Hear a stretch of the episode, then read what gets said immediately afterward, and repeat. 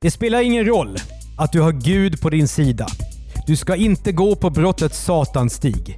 Den leder raka vägen in i rättsväsendet. Det får en prästfru på Gotland lära sig när hon psykar sin makes nya kollega över telefon. Och inte blir det bättre av att hon faktiskt erkänner brottet i tidningen. I det biktbås som Podplay kallar för studio sitter Mattias Bergman och Andreas Utterström.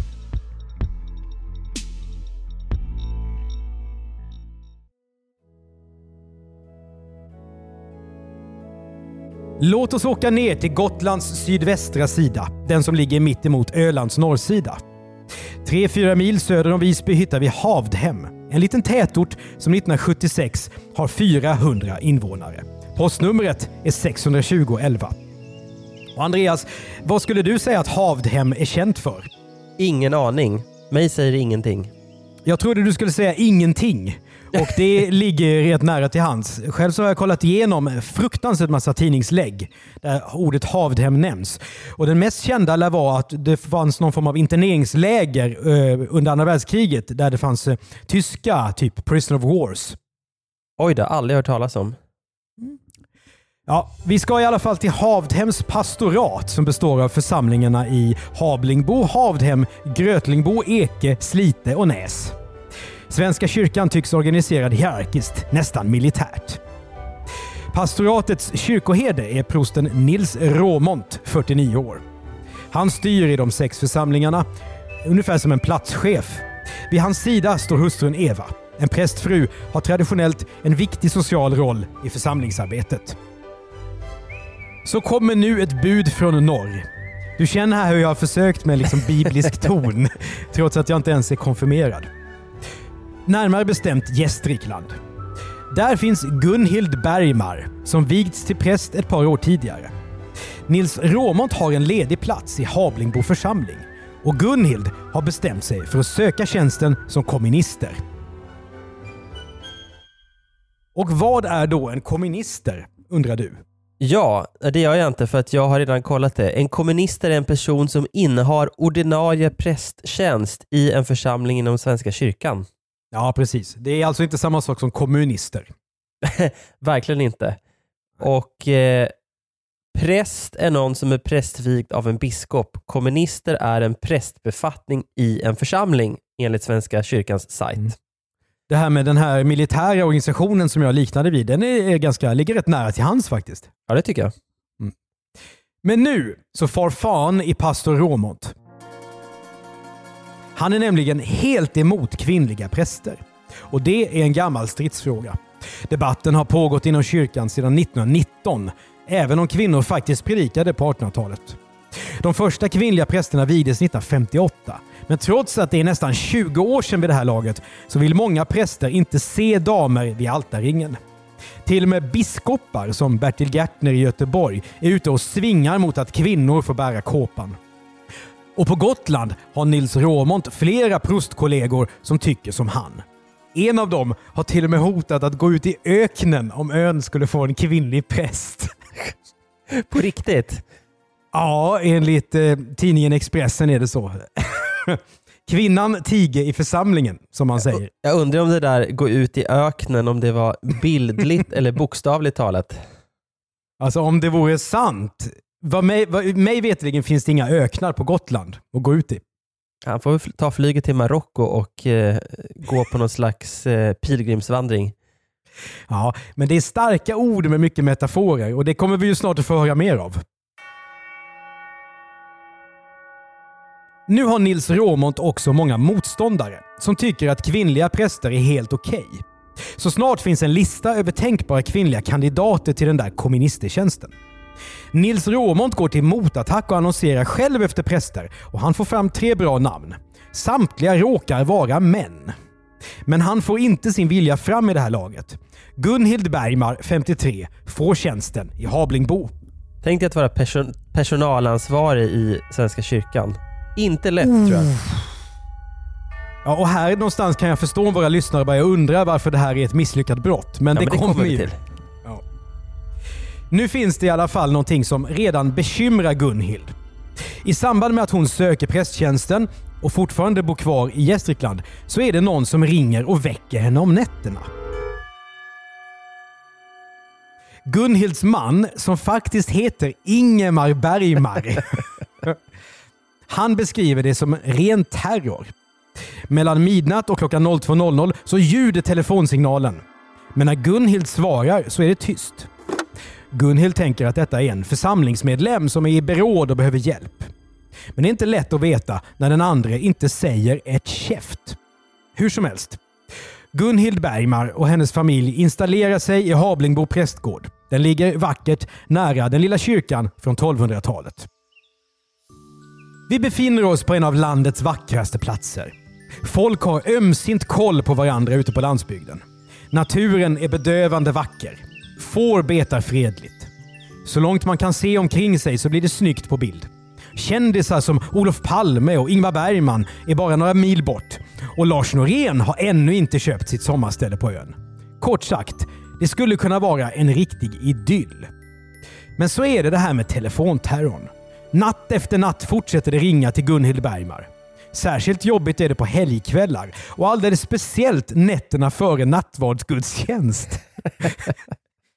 Samma sak som tidigare. Ja, hallå, kan jag hjälpa dig? svarar Gunhild plikttroget, men det förblir tyst. Sommaren 1978 blir det ännu värre. Tre samtal per natt är inte ovanligt. Gunhild mår inte bra. Hon får sömnstörningar och tvingas sjukskriva sig. Hon är rädd som en hare som hon säger. Hennes man börjar ta över luren så att Gunhild ska kunna återhämta sig.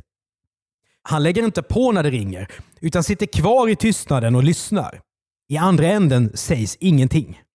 Efter en kvart lägger han på. Det är alltså ett chicken race mellan telefonterroristen och offrets make. Kan du se den här scenen? En präst går ute på landet. Det är mörkt. Plötsligt så ringer det. Herregud. Så sitter de där. Men därefter så byter uppringaren taktik. Så fort Gunhild eller maken svarar så slänger han eller hon på luren. Men Mattias, varför drar de inte ur sladden? Vi kommer att komma till detta för det finns en förklaring på precis allting. Ja, även, om men- inte, även om inte allt är så logiskt. Men det är bra att vi får det sagt redan nu, därför att det, det är ju vad man sitter och undrar annars. Det är väl bara att dra ur jacket då om man tycker att det är jobbigt att det ringer. Ja, men när Gunhild senare ska få frågan om detta, av åklagare för, för övrigt, så svarar hon så här. Jag anser att en präst måste vara beredd att tala med människor också nattetid. Samtalen kan ju komma från folk som behöver mig, säger Gunhild. Ja, hon är för plikttrogen för sitt eget bästa helt enkelt. Eh, Ja, men det blir ju väldigt gulligt för att om det skulle ringa till mig tre gånger per natt och det aldrig är någon som säger något, då skulle jag ju börja dra slutsatsen att det är nog ingen som behöver hjälp på natten. Nej. Ett poddtips från Podplay. I fallen jag aldrig glömmer djupdyker Hasse Aro i arbetet bakom några av Sveriges mest uppseendeväckande brottsutredningar. Går vi in med hemlig telefonavlyssning och, och då upplever vi att vi får en total förändring av hans beteende. Vad är det som händer nu? Vem är det som läcker? Och så säger han att jag är kriminell, jag har varit kriminell i hela mitt liv men att mörda ett barn, där går min gräns. Nya säsongen av Fallen jag aldrig glömmer på Podplay. När man läser in sig på hur det pratas i Svenska kyrkan på södra Gotland vid den här tiden får man bilden av ett lågintensivt krig. Hårda motsättningar råder i frågan om kvinnopräster. Många församlingsbor vänder präster som Nils Råmont ryggen för hans åsikter. På hösten 1978 rings det allt oftare hem till Gunhild. Inte bara på helgnätter utan veckan igenom. Samtidigt får Gunhild Bergman chansen att söka tjänsten som kyrkoherde i Alva pastorat. Hon får den och nu är hon Gotlands första kvinnliga präst. Men nu är hon också trött på den anonyma telefonterroristen. Efter två år av eländet så polisanmäler Gunhild. Ofredande blir brottsrubriceringen. Idag speglar man mobiltelefoner och tankar ur operatörernas master för att kolla vem som har ringt till vem och när. Men 1978 är det faktiskt ännu enklare att bedriva polisiär signalspaning. Statliga Televerket bestämmer över varenda telefon och äger ledningarna. Att svenskarna får välja vilken färg det ska vara på plastlådan, det är någonting helt nytt. Mobiler finns knappt. Och nu spårar Televerket terrorsamtalen till Gunhilds telefon som har nummer 0498800072. Alla, sa alla samtal visar sig komma från en och samma lur, nämligen nummer 0498 81367. Lokalsamtal alltså. Ja, 0498 det är, det är Gotlands eh, riktnummer som man hade på den tiden. Idag är det väl ingen som riktigt tänker på det här med riktnummer. Trots att ofredande är ett milt brott om man jämför med rån och kidnappningar som vi brukar berätta om, så går utredarna till botten med fallet. Polisen bedriver så kallad yttre spaning på huset där brottstelefonen är installerad. Yttre spaning. Det betyder att Visbypolisens Jan-Åke Svensson sitter utanför kåken på natten och spanar in med kikare för att se om han kan se något suspekt där inne samtidigt som Gunhild Bergman får ett av telefonsamtalen. Här kommer utdrag ur polisens förundersökning. Klockan 00.16 syns kvinna åter i fönster nummer 5. Hon syns strax efteråt i fönster nummer 4. Klockan 00.17 syns kvinna åter i fönster nummer 5, precis som om hon reste sig från en säng. Klockan 00.20 verkar det som om någon stängde en dörr till rum med fönster nummer 5. Kvinnan är kvar i rummet. Men vad är det här för hus då? Och vad är det för kvinna som syns? Jo, det är prästgården i Havdhem. Och kvinnan som greppat luren, det är prosten Nils Råmåns hustru Eva, 63. Bara under tre veckor i november 1978, när polisen spanar på henne, ringer hon 18 nattliga samtal till Gunhild Bergmar. Tio Guds bud säger något om hur vi människor ska bete oss mot varandra. Du skall icke telefontrakassera din nästa, det är inte ett av dem. Men det här är ju ändå ett glasklart brott. Och nu skriver lokaltidningen Gotlands Allehanda om utredningen. Att den långa debatten om kvinnopräster skulle sluta så här, det är kittlande nyheter. Eva Råmont är ännu inte gripen. Men när hon läser i tidningen att polisen ringar in henne genom telefontrafiken inser hon att loppet är kört. Det är dessutom så att hon och hennes man har varsin telefon och varsitt telefonnummer. Vilket är ovanligt 1978. Inga tvivel alltså om att kunna binda henne till samtalen. Brottslingarna i den här podden brukar visserligen bete sig märkligt i pressade lägen. Men det är få av dem som får sån ångest och ruelse av sina brott som Eva Råmont. När hon nu står inför fullbordat faktum, att det bara är en tidsfråga innan hon åker fast, så tar hon ett oväntat steg. Hon skriver en insändare i Gotlands Allehanda. Herr redaktör.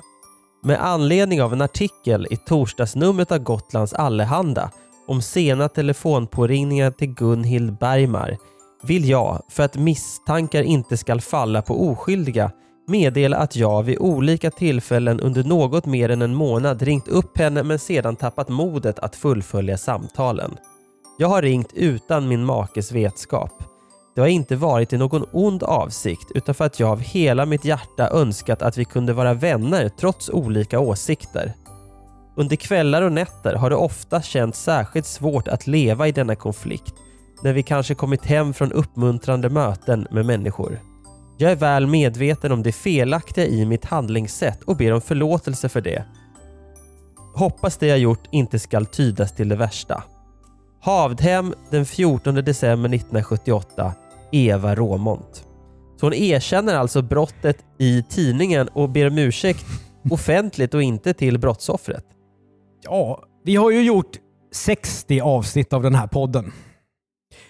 Kan du påminna dig någon brottsling som har så flagrant annonserat sitt brott? Ja, men det händer ju att eh, kriminella, oftast då när det gäller mycket allvarligare brott än det här, hör av sig till media och vill ha någon slags dialog här. Men det här är otroligt märkligt för det är ju ett, ett erkännande rätt av. Och om hon tycker att det är besvärligt med den här konflikten så vore, vore det naturliga att vända sig till brottsoffret som då kanske tar tillbaka sin eh, polisanmälan. Men det här är otroligt märkligt. Men jag kan också tycka att, eh, å andra sidan, om man, om man har ringt en massa samtal under en månads tid men inte vågat säga någonting när personen svarar, då kanske man inte vågar gå dit heller och ta upp frågan. Och att det är särskilt besvärligt om nätterna, det är ju inte så konstigt med tanke på att man faktiskt ringer och väcker någon. Så att ring dagtid eller ännu bättre, sök upp personen öga mot öga. Men finns det inte ett, ett liksom Ingmar Bergman-filmspår i den här historien? Jag ser varje timmen, alltså hon sitter där hemma, Eva Råmont, och har, hon har ångest för den här usla relationen med, med kvinnoprästen. Och, alltså det, det vilar någonting eh, djuptung svenskt här. va? Ja, det är väl en korsning mellan det och hans andra film Tystnaden kan man tänka. ja, just det. Verkligen. Nu är inte det här någon historia i Gotlands Allehanda längre, utan mycket mer än så. Tidningen Expressen gör första sida på Eva Råmont under rubriken “Prostfru erkänner telefonterror mot kvinnopräst”. Det är svårt att förstå idag, men institutioner som kyrkan eller nykterhetsrörelsen var mycket tyngre i Sverige på den här tiden. Och det som hände där, det blev big news. Stämningen mot präster som inte gillar kvinnliga kollegor, den var dålig tidigare. Nu är den i botten. Nils Råmont försöker tona ner alltihop lite grann. Han säger till reportrar att han också har fått telefonpåringningar på nätterna. Men allmänhetens förståelse ligger ju inte hos honom och hans fru. För nu är det dags för ett courtroom drama på Gotland. Den 4 april 1979 blir det förhandling i tingsstället Skogs i Levide socken. Framför trappan har pyntats med granris och i trapphuset luktar det nybryggt kaffe. Vaktmästaren har steppat upp eftersom riksmedierna är på plats. Ja, kvällstidningarna då om vi ska vara petnoga. Det är som en församlingsfika om det inte vore för den obekväma stämningen. Eva Råmont försöker dölja ansiktet bakom pälskragen när hon går in till rättegången. Åklagare Gunnar Öhman har sagt att det bär honom emot att yrka på fängelsestraff för Eva. Men vad hjälper det? Pinsamheten är total. Nu hörs de inblandade i tur och ordning. Gunhild Bergmans redogörelse är en berättelse om två år av sömndrucket tålamod. Det var Guds mening att jag skulle tjänstgöra på Gotland. Jag vet att det står skrivet att för den som tror på Gud ska all räddhåga vara borta. Men jag blev rädd ändå. Ja, Eva Råmont då? Fallet saknar ju inte parodiska poänger. Men hon har ju faktiskt skrämt upp två vuxna människor rejält. Vad tänkte hon när hon offrade sin egen nattsömn för att sitta vid telefonen? Fanns det någon långsiktig plan bakom det här brottet? Känslorna är starka i Eva Romans förklaringar.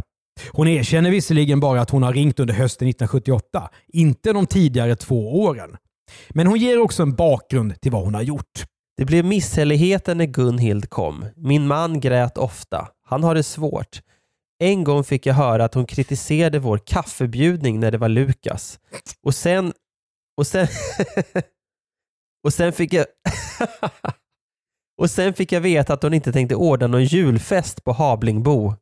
Jag ringde i min djupa nöd och förtvivlan. Det blir ju... Det finns ju en änglagård-grej här liksom. Ja.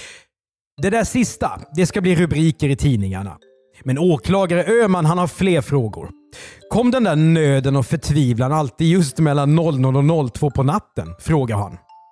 Eva Råmont förklarar att hon har tänkt att skriva brev eller besöka Gunhild och tala ut. Men det har inte blivit av, säger hon. Hon och maken Nils har skilda sovrum, så maken har inte kunnat höra när hon ringt. Han har inte vetat ett dugg om samtalen. Och hon ville inte störa Gunhilds man, utan bara Gunhild. Men åh, kan hon inte bara erkänna eh, och säga Jag blir som lite det är? frustrerad på Eva. Ja, minst sagt. Ja. Hon är, eh, jag skulle säga att hon har en väldigt ineffektiv kommunikation. Ja, det kan man lugnt säga. Det här är ju, om det, alltså, det måste vara den mest konflikträdda brottsling vi haft.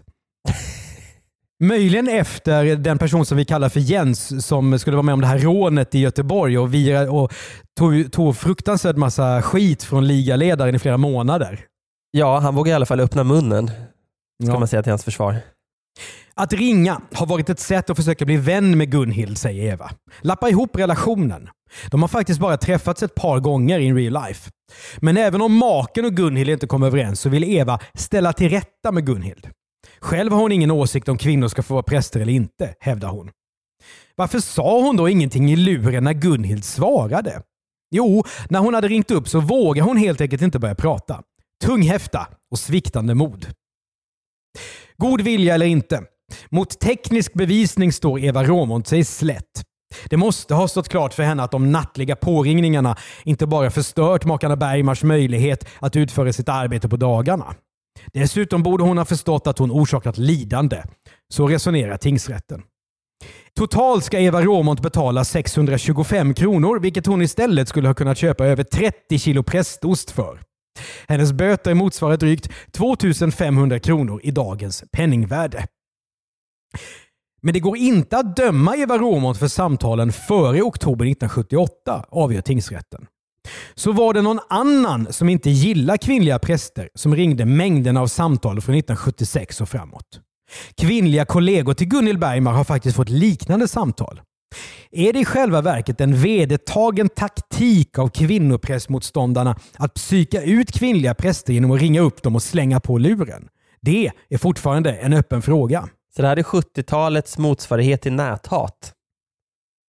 Verkligen. Så det här brottet går en, det går en rät linje från det här rakt in i, i till exempel det här eh, Göteborgskravallerna bland på högstadieungdomarna med, som kallar varandra för, för orrar och så. Just det. Nej, men om, om jag tänker mig att om Eva hade levt idag, då hade hon haft 20 stycken fejkade Twitterkonton och liksom trollat eh, den här kvinnliga prästen. Antagligen. Brottets upplösning lugnar tyvärr inte ner stämningen i stiftet.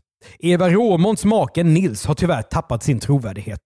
Kyrkostämmans ordförande Gunnar Johansson säger så här till tidningen Aftonbladet. Ingen präst vill hit så länge Nils Råmont är kvar. Vi riktar inget direkt krav till Råmont men hoppas att han förstår vinken. Och det säger så mycket om Svenska kyrkans alltså, konflikträdsla men samtidigt stenhårda kultur.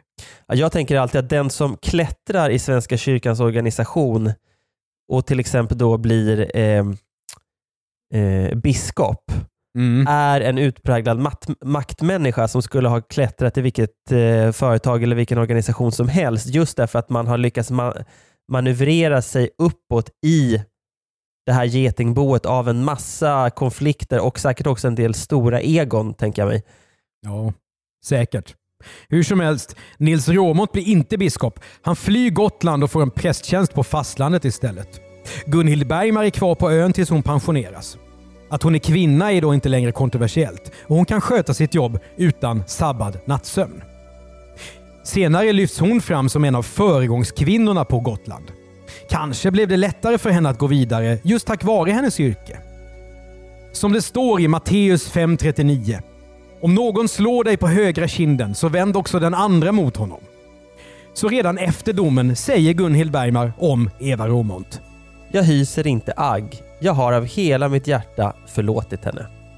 Du har hört ännu ett kristligt avsnitt av Misslyckade brott av Mattias Bergman och Andreas Utterström, exekutiv producent Jonas Lindskov. Vi gör även podden Jag var där om de stora svenska nyhetshändelserna. Dessutom driver vi innehållsbyrån Commercial Content som också gör podden Världens bästa innehåll.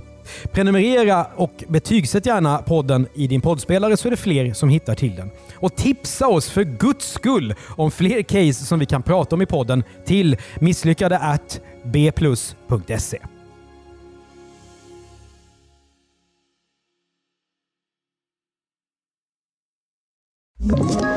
Ett poddtips från Podplay. I fallen jag aldrig glömmer djupdyker Hasse Aro i arbetet bakom några av Sveriges mest uppseendeväckande brottsutredningar. Går vi in med hemlig telefonavlyssning och, och då upplever vi att vi får en total förändring av hans beteende. Vad är det som händer nu? Vem är det som läcker? Och så säger han att jag är kriminell, jag har varit kriminell i hela mitt liv men att mörda ett barn, där går min gräns. Nya säsongen av Fallen jag aldrig glömmer på Podplay.